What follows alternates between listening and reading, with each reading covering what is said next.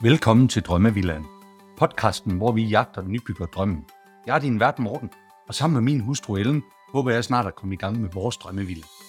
I denne podcast inviterer vi andre nybyggere, rådgivere og leverandører, ja alle, der har noget på hjertet om byggeri, til at dele deres erfaring. I dag står den på cirkulære byggematerialer, når vi får besøg af Peter fra Eurotag. Vi skal både tale omkring deres cirkulære tagpap, men vi skal også tale helt generelt om de muligheder, der ligger i det her. Peter, velkommen Jamen. i Drømmevillaen. Mange tak. Tak fordi jeg måtte komme. Ja, men uh, selvfølgelig, og jeg glæder mig til, at vi skal tale omkring det her med cirkulære byggematerialer, som jo egentlig er dagens tema. Men inden vi kommer ind i det, så lad os lige høre lidt omkring dig og din, uh, din baggrund. Ja. Jeg er jo en traditionel byggemand. Jeg er uddannet tømmer og efterfølgende bygningsingeniør. Og efter at have arbejdet i et par større entreprenørfirmaer i cirka fem år, så kom jeg ind i tagpapbranchen sådan lidt ved en tilfældighed. Og nu har jeg arbejdet med tagpap øh, og med derbygum fra Belgien i 31 år. Så jeg vil godt tillade mig at sige, at jeg efterhånden har tilegnet mig lidt viden omkring øh, tage og tagpap og cirkularitet, fordi det er faktisk noget af det, vi har haft fokus på igennem de sidste øh, mere end 30 år snart. Ja, lige præcis. Og det, det glæder vi os til at drage nytte af din erfaring inden for det her. Men ja. hvorfor, inden vi, inden vi kommer ind i det, hvorfor er det det her med cirkularitet? Hvorfor er det egentlig vigtigt?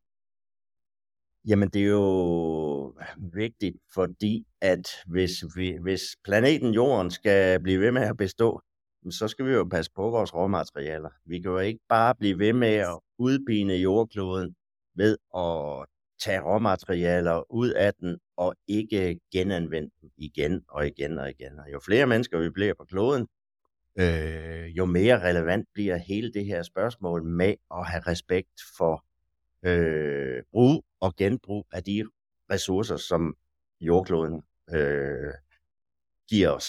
Ja, lige præcis. Lige præcis. Jamen, det giver jo, det giver jo, det giver jo super god mening.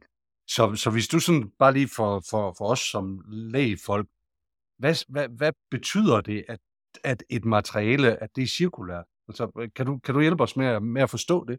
Ja, det kan jeg godt. Og jeg kan jo tage udgangspunkt i, i tagpap, som jeg har lidt forstand på. Altså, tagpap er jo generelt ikke et, hvad skal man sige, et miljømæssigt øh, korrekt produkt. Øh, tagpap, øh, hovedingrediensen i tagpap kommer fra olieindustrien. Og, og den hovedingrediens, vi har i tagpap, er bitumen. Ja. Bitumen er det restprodukt, der er til overs, når man har raffineret sin råolie. Altså når du har lavet petroleum, og du har lavet diesel, og du har lavet benzin, og alle de forskellige typer af olier, øh, som, man har, som man udvinder af råolien, så er der noget tilbage, og det er bitumen. Ja. Og den bedste kvalitet af bitumen kan du lave tagpap af, og den mindre gode kvalitet af bitumen kan du eksempelvis øh, bruge i asfaltbeton, når vi laver vejasfalt. Ja. Øh, så hvis, hvis vi kan nedbringe vores, vores øh, ressourceforbrug med de her jomfrumaterialer, som kommer fra olieindustrien, øh, som jo er en af de helt store sønder, når vi taler miljøpåvirkninger, jamen så gør vi faktisk en ret stor forskel. Ja, og så, så det, er, det er cirkulært. Så, så konkret i jeres tilfælde, hvad, hvad betyder det så? Jamen, det er det er cirkulært, det er, at vi faktisk i dag er i stand til at kan lave ny tagpap ud af gammel tagpap. Okay. Når vi producerer en kvadratmeter tagpap, jamen så i de produkter, vi sælger i dag, er der faktisk øh, mellem 25 og 30 procent øh, regenerat i. Øh, så vi sparer sådan set, øh, vi, vi sparer sådan set udvindingen på 25 eller 30 procent øh, af de råmaterialer, som, som jordkloden forsyner os med. Ja, okay. Og kan vi få det op, og kan vi få hele industrien med, jamen så øh, nedbringer vi jo sådan set vores forbrug af fossile materialer. Øh, og det gør en ret stor forskel. Ja. Hvorfor, og det ved jeg godt lige, det er et frisk spørgsmål her lige fra starten af, hvorfor er det ikke 100% der egentlig indgår i materialet? Jamen, øh, det er ud fra nogle kvalitetsmæssige synspunkter. Så langt er vi ikke endnu. Altså lige nu øh, kører vi faktisk nogle test på produkter, som er lavet på 100% regenerat. Okay. Men vi skal jo være sikre på, at det produkt, vi sender ud til forbrugeren, har den rigtige kvalitet og den rigtige øh, levetid og de rigtige tekniske egenskaber osv. Så, så det er der en hel masse, det er der en hel masse test og udvikling i, øh, men ambitionen er helt sikkert 100 procent. Okay. Det er der. Betyder det også, at man kan genbruge 100% af materialet? Altså en ting er jo, hvad det er input i produktionsprocessen, men noget andet, det er jo også, hvor stor del af tagpapir man rent faktisk kan genbruge. Det, øh, du kan bruge 100 procent af det. Okay. Altså, det materiale, vi sender ned, indgår 100 procent. Der bliver ikke taget noget ud af råmaterialet. Alle de ingredienser, der er i den gamle tagpap, bliver brugt i den nye produktion. okay. Så det er en 100 procent en til en. Øh, kunne du ikke prøve at forklare lidt, hvordan det her det så foregår? Altså selve processen fra, at, øh, at man... Jeg forestiller mig, hvis vi starter med, jeg har et gammelt hus her, nu ved jeg ikke, om I bruger enfamilieshus, men, men vi har et gammelt hus, hvor der er noget, noget, noget tagpap på. Kan du ikke prøve at tale os igennem og fortælle os, uh, fortælle os hvordan det her det foregår? I princippet så sender... Enten så har du et nedbryderfirma, hvis, hvis vi taler om, at dit, dit gamle hus skal brydes ned. Så har du et nedbryderfirma, som sorterer alle de her byggematerialer. Og en del af det er tagpap. Ja. Øh, vi skærer normalvis øh, gammel tagpap ud i 1 gange 1 meter stykker, og så stabler vi det sådan ligesom gammeldags LB-plader i nogle store big bags. Så ryger det til vores øh, lager, hvor vi har sådan et sorteringssystem, hvor vi opmagasinerer det.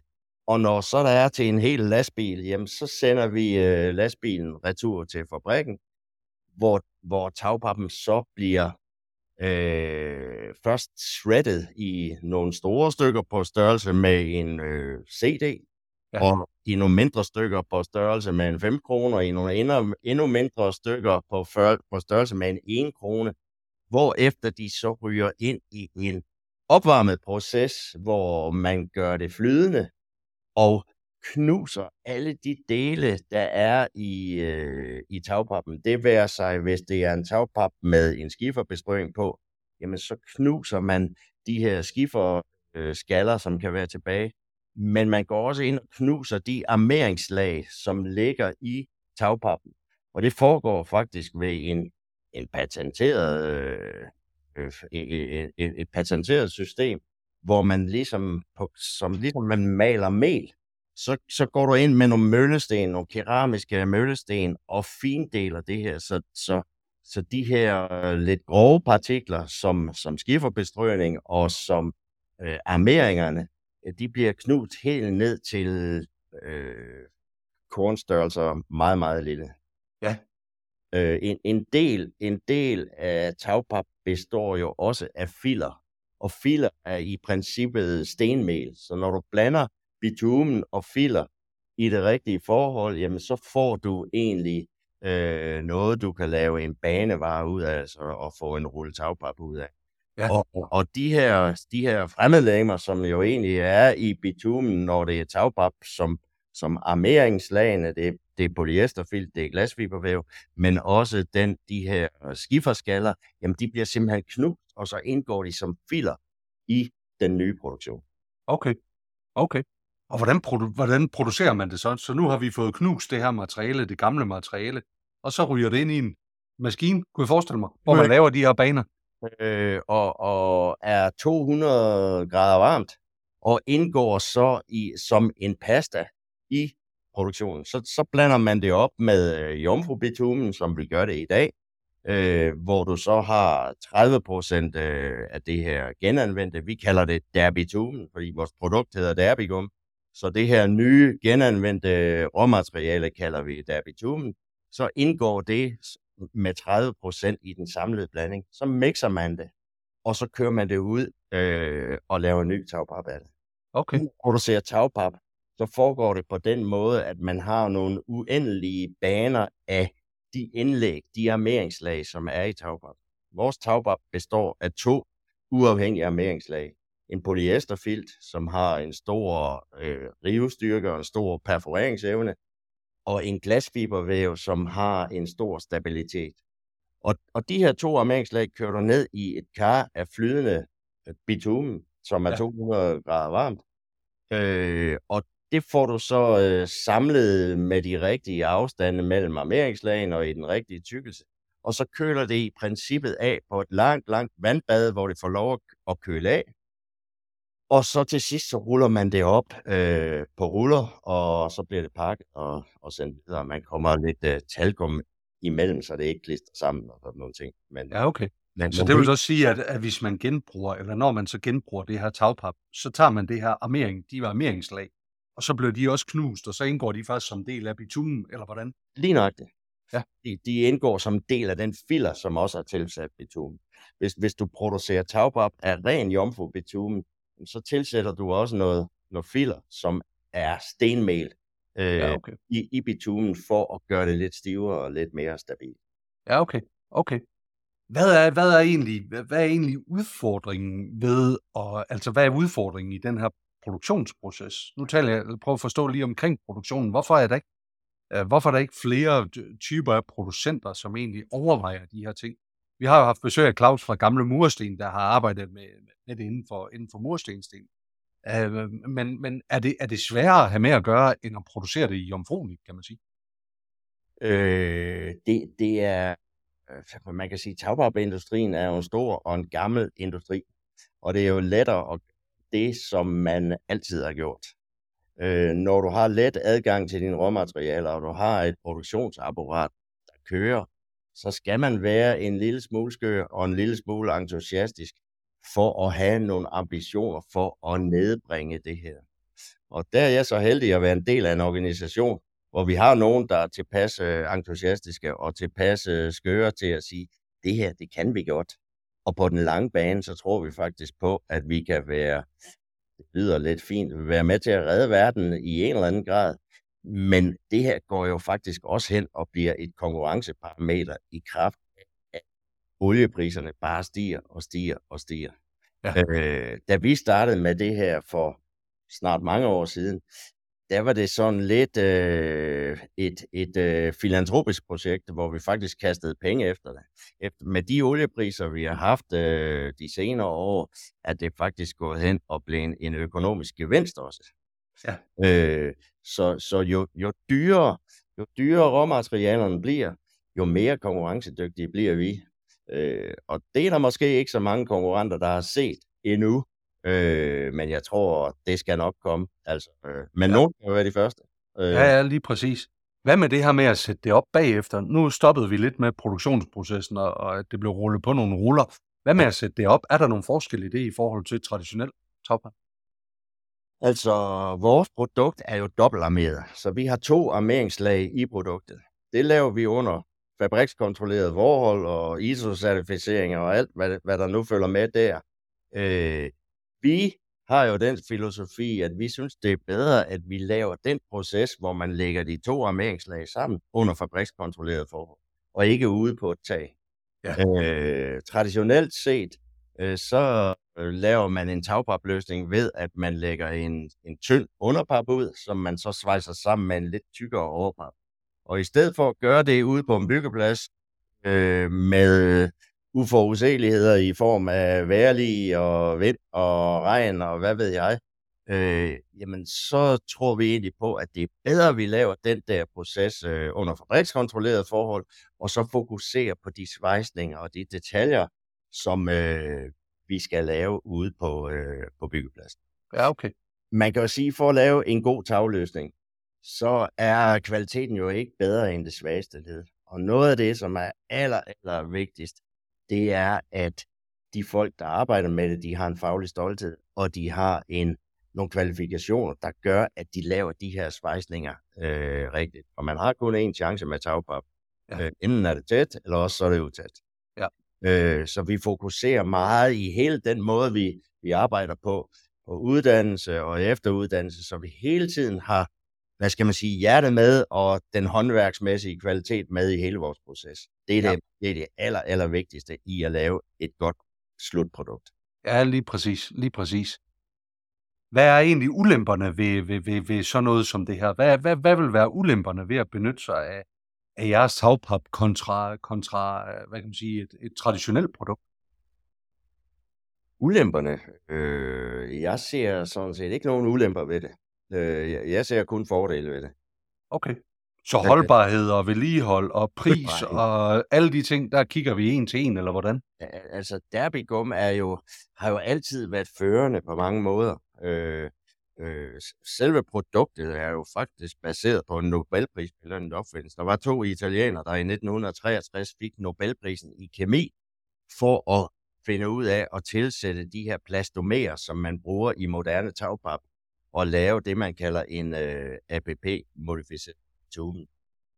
Øh, så, så Derbigum-fabrikken har egentlig altid været, øh, været foran og været banebrydende. Og det, jeg egentlig vil forsøge at sige, det er, at øh, vi har været på markedet i Danmark siden 19, midten af 1970'erne. Så vi har rent faktisk tage i dag, som er lige omkring de 50 år. Og, og nogle af de tage holder faktisk stadigvæk tæt. Hvis de har været lavet korrekt for 50 år siden, så fungerer de faktisk stadigvæk som tage. Okay. de, når vi taler bæredygtighed i byggeriet, jamen så er levetiderne utrolig vigtige, fordi jo længere et produkt bliver ved med at være byggemateriale og holdbart, jo bedre værdi har vi af det. Ja, men jeg, øh, og nu spørger jeg lidt dumt, men det er også lige så meget, fordi jeg ikke ved om, øh, om traditionel tagpap og sådan noget.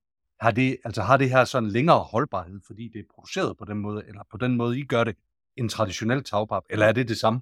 Øh, det har en længere holdbarhed, fordi at den her APP-modificering øh, gør, at man binder de nu skal vi passe på, at det ikke bliver alt for kemisk teknisk, men de tyndt flydende olier i bitumen binder man rent kemisk med de her plastomerer til produktet, så man ikke får en oliefordampning. Og, og derved får du et produkt, som bliver ved med at være fleksibelt og ja, okay. som, som tagpap i mange, mange år. Ja, okay. Og det er det, der egentlig er sådan hele hemmeligheden ved, øh, ved Derbigum og den APP-modificering. Ja, okay. Hvad så med, hvad så med vedligehold og sådan nogle ting? Altså, der, der, hvordan vedligeholder man egentlig traditionelt, øh, hvad kan man sige, tag? Og er der noget, man skal være specielt opmærksom på med, med jeres, øh, med det her øh, cirkulære materiale? Der er ikke forskel på, på cirkulære materialer og ikke cirkulære materialer. Men et tagpaptag skal, vedligeholdelsen er egentlig ren, renholdelse.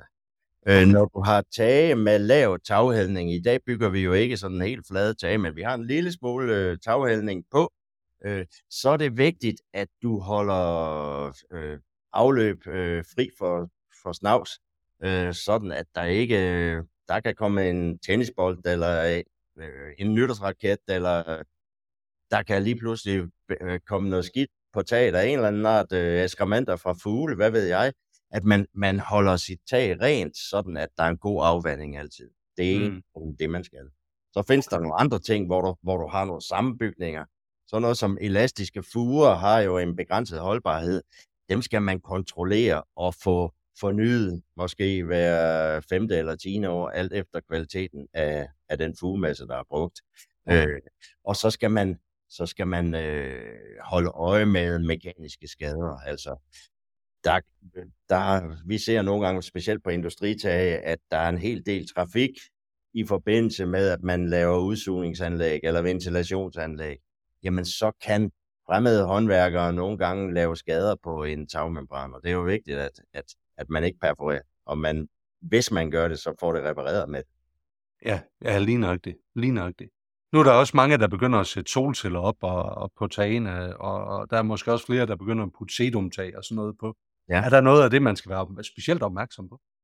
Nej, det er altså sedumtag øh, ser vi jo faktisk rigtig meget nu. Øh, og moderne sedumtag, det kommer jo ligesom i nogle, i nogle æggebakker, øh, hvor man lægger sådan øh, nogle stykker på og, og klikker det hele sammen.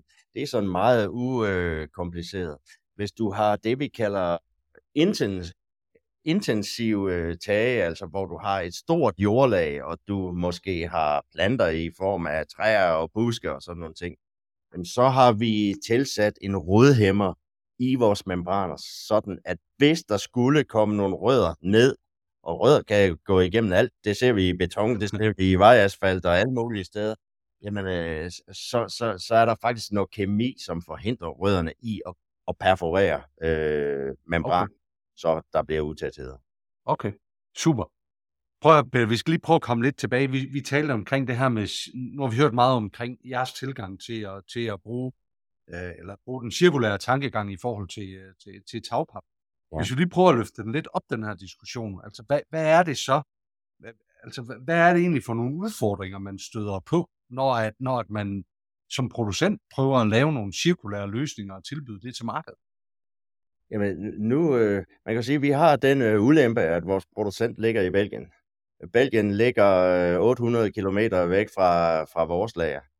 Og når vi har indsamlet afskær fra vores byggepladser, når vi har indsamlet materialer fra vores øh, gamle tagpaptage her i Danmark, så ryger det på vores lager, øh, og så skal vi have det transporteret ned til fabrikken. Øh, med den geografi, som er på den rute, jamen så skal vi igennem Danmark, vi skal igennem Tyskland, vi skal igennem Holland, og vi skal ind i Belgien. Øh, der har vi en udfordring, øh, der hedder, at, at man, jeg, jeg, kan, jeg kan, uden at træde nogen over tæren, kan jeg vel godt sige, at lovgivningen, EU-lovgivningen halter lidt bagefter. Fordi når vi i en god mening sender vores, vores råmaterialer retur til producenten, som så øh, behandler dem og fornyer dem og laver nye produkter, så, så betragter lovgivningen det faktisk, som det er i dag, som at vi transporterer farligt affald. Der er ikke noget farligt i det her. Det er jo sådan set bare en tagbarbrulle, hvor der er skåret et hjørne eller et endestykke af. Så det er ikke mere farligt, end da det kom. Men det, det bliver betragtet som farligt affald. Og, og, og øh, det gør altså, at der er nogle, nogle øh, komplicerede processer i form af tilladelser og i, i form af byråkrati, som gør det noget vanskeligt og også gør det dyrt at sende de her, øh, øh, det her råmateriale over landgrænsen. Men vi arbejder på det og håber på, at vi kan påvirke det politiske system til at, at komme op i gear, så det bliver lettere for os at gøre. Nu er vi jo en af de første producenter, som gør det her i stor skala med bitumen, med tagpap. Øh, forhåbentlig kommer vores kollegaer i branchen med også, så de, så de også begynder at gøre noget tilsvarende. Øh, så, så det, det vil være lettere for os alle sammen, hvis det var sådan, at vi, at vi øh, øh, fik en, en, en mere fleksibel øh, måde at håndtere det på. Ja, lige nøjagtigt. Så det der, det er jo noget politisk, og det kan vi jo som nybyggere og som forbrugere, det kan vi jo gå ud og påvirke, når vi sætter vores kryds, kan man sige jo. Men er der noget, vi som forbrugere rent faktisk kan gøre? Er der noget, vi som nybyggere egentlig kan gøre for at hjælpe den her cirkularitet og for at være med til at understøtte det? Øh, jeres forretning på det? Ja, det kan I gøre. Øh, og det kan alle bygherrer i princippet. Det er uanset om man er nybygger af et selvhus, eller man er nybygger af en stor lager eller en stor produktionsvirksomhed. Så kan man jo stille krav til alle de produkter, som man indbygger i sit hus. Og der kan jeg jo kun anbefale, at man måske vælger at øh, lave et miljøcertificeret byggeri. Det, I Danmark er DGNB-certificerede byggerier jo meget fremme, og de store pensionskasser og investorer bygger mere og mere som miljøcertificerede byggerier. Og her i landet er det DGNB, som, som øh, er det, der ligesom er toneadgiver. Det kan jeg kun bifalde, at man, at man ligesom stiller krav som bygherre. Øh, og der kan man jo godt stille krav til at sige, jamen, hvis, hvis der findes øh, et produkt, som baserer sig på en cirkulær tankegang, jamen så brug dog det. Øh, og det kan jeg godt sige uden at, at, rekla- uden at rødme, fordi øh, det, det er jo den vej, vi skal. Ja, lige præcis. Prøv lige at høre, hvis, nu har vi talt lidt om, øh, eller det er jo så vores erfaring også her gennem podcasten. Vi har nævnt øh, gamle mursten, og Claus, øh, der har været med i en tidligere episode. Ja. Han gør jo noget af det samme, hvor de genbruger mursten. I gør det på, på tagpap. Ja. Har du set andre løsninger, hvor man kan gå ud og finde det her cirkulære materiale? Øh, altså, du mener andre byggeprodukter, eller hvad? Ja, andre byggeprodukter. Det er sådan nogen, som øh, gipspladeproducenterne gør det. Altså, gipsplader er jo, øh, er jo gips, som kan genanvendes på samme måde, som vi gør her. Du Ja. kan gøre det med isolering af glasuld, stenuld, øh, kan du gøre det samme med. Øh, så så øh, jeg, jeg, jeg ser sådan set ingen øh, begrænsninger på det her. Plastindustrien gør det faktisk også. Øh, Plastindustrien får jo altid en masse skæld ud, fordi øh, plastik er jo, er jo nærmest blevet et fyreord alle steder, men vi kan jo ikke undvære plast i vores moderne samfund. Vi Nej. skal bare behandle det rigtigt. Ja. Vi kan heller ikke undvære tagpap. Vi skal bare behandle det rigtigt. Ja. Okay. Ja, hvor du hvad, jeg tænker, at det her, det er jo, det, det, det er jo en direkte, hvad kan man sige, oplæg til nogle nye episoder, hvor vi skal invitere nogle andre virksomheder i til at, til at fortælle omkring det her. Jeg har også hørt om en, øh, en uh, tømmerhandel, tror jeg det er, byggemateriale over i København, der hedder Havnens Hænder, som faktisk også bare, uh, hvad kan man sige, lever af at lave uh, cirkulær, eller levere cirkulært byggemateriale. Ja. Så um, Peter, hvis du skal give sådan et, et godt råd til os, øh, os nybyggere, sådan et sidste godt råd, hvad, hvad, hvad skulle det være? Stil nogle krav til de materialer, I bruger. Altså, øh, nu, nu har I jo gået sådan meget grundigt til værks og forberedt jer rigtig, rigtig godt, og har gjort jer en masse tanker om, hvordan I vil bygge, og, og, og øh, hvordan det hele skal foregå. Og det må jeg sige, det har jeg meget stor respekt for. Øh, så stil nogle krav til jeres leverandører. Stil nogle krav til de produkter, I bygger ind. Og så et sidste råd fra min side skulle være, øh, aldrig spar på arkitekten. Ja. Øh, en god arkitekt gør så meget ved det færdige produkt, at øh, det, det, det vil være forkert at spare på det. Og, og det du måske bruger på arkitekten, når du bygger, det får du fem eller ti gange retur igen den dag, du skal sælge den bygning, fordi kvaliteten er. Øh, så arkitektur, nu interesserer jeg mig lidt for det, og har også bygget, bygget huse til mig selv og min familie tidligere. Øh, så en, en, øh, have en god dialog og en god arkitekt, og lad være med at, lad være med at spare på arkitekturen. Lige nok det. Og ved du hvad, det ved jeg, at der er mange arkitekter, der vil være enige med dig. I også dem, der har været på besøg her i, her i Drømmevilland. Så, så tak for bidrag. Hvis man skal følge jer og læse lidt mere omkring øh, det, I laver, hvor, hvor gør man det hen? Jamen, øh, vi har en hjemmeside, der hedder derbigum.dk. Ja. Øh, der kan man læse om alle vores produkter, men man kan også læse på man kan også læse om, hvordan vi håndterer vores råmaterialer. Vi har et undersite, som hedder No Roof to Waste, og No Roof to Waste er faktisk sådan øh, en kampagne, vi har kørt i hele Europa, hvor vi siger, jamen, vores råmaterialer skal ikke gå til spilde. Så øh, alle de håndværkere, der arbejder med derbygrum i hele Europa, de samler faktisk deres afgær sammen hver eneste dag, når de rydder op på byggepladsen. Og det afskær, det kommer retur til fabrikken og indgår i nye produkter. Men i dag er vi faktisk så langt, så vi også er i stand til at, at genanvende gamle tage. I Danmark har vi genanvendt nogle af vores egne derbygumtage, men når vi kommer lidt tættere på fabrikken, så øh, genanvender man faktisk også tagpaptage fra konkurrerende producenter. Okay. Øh, så det bliver formentlig også noget, vi kommer til at se i fremtiden, også her i landet. Vi har faktisk et par par skolebyggerier, hvor, hvor vi arbejder lidt med det her. Øh, øh, hvor, hvor vi rent faktisk går ind og tager gamle konkurrerende produkter ind og, og genanvender det i vores produktion. Sådan. Prøv at høre, det kan man gå ind på jeres hjemmeside og læse mere om. Vi uh, linker op til det i show notes, så at man kan gå ind og, og kigge på det på hjemmesiden. Ja. Og uh, tusind tak for dit bidrag i dag. Det har været spændende at høre om. Jamen, øh, velkommen. Tak fordi jeg måtte komme. Tak fordi du lyttede med på denne episode af Drømmevillagen.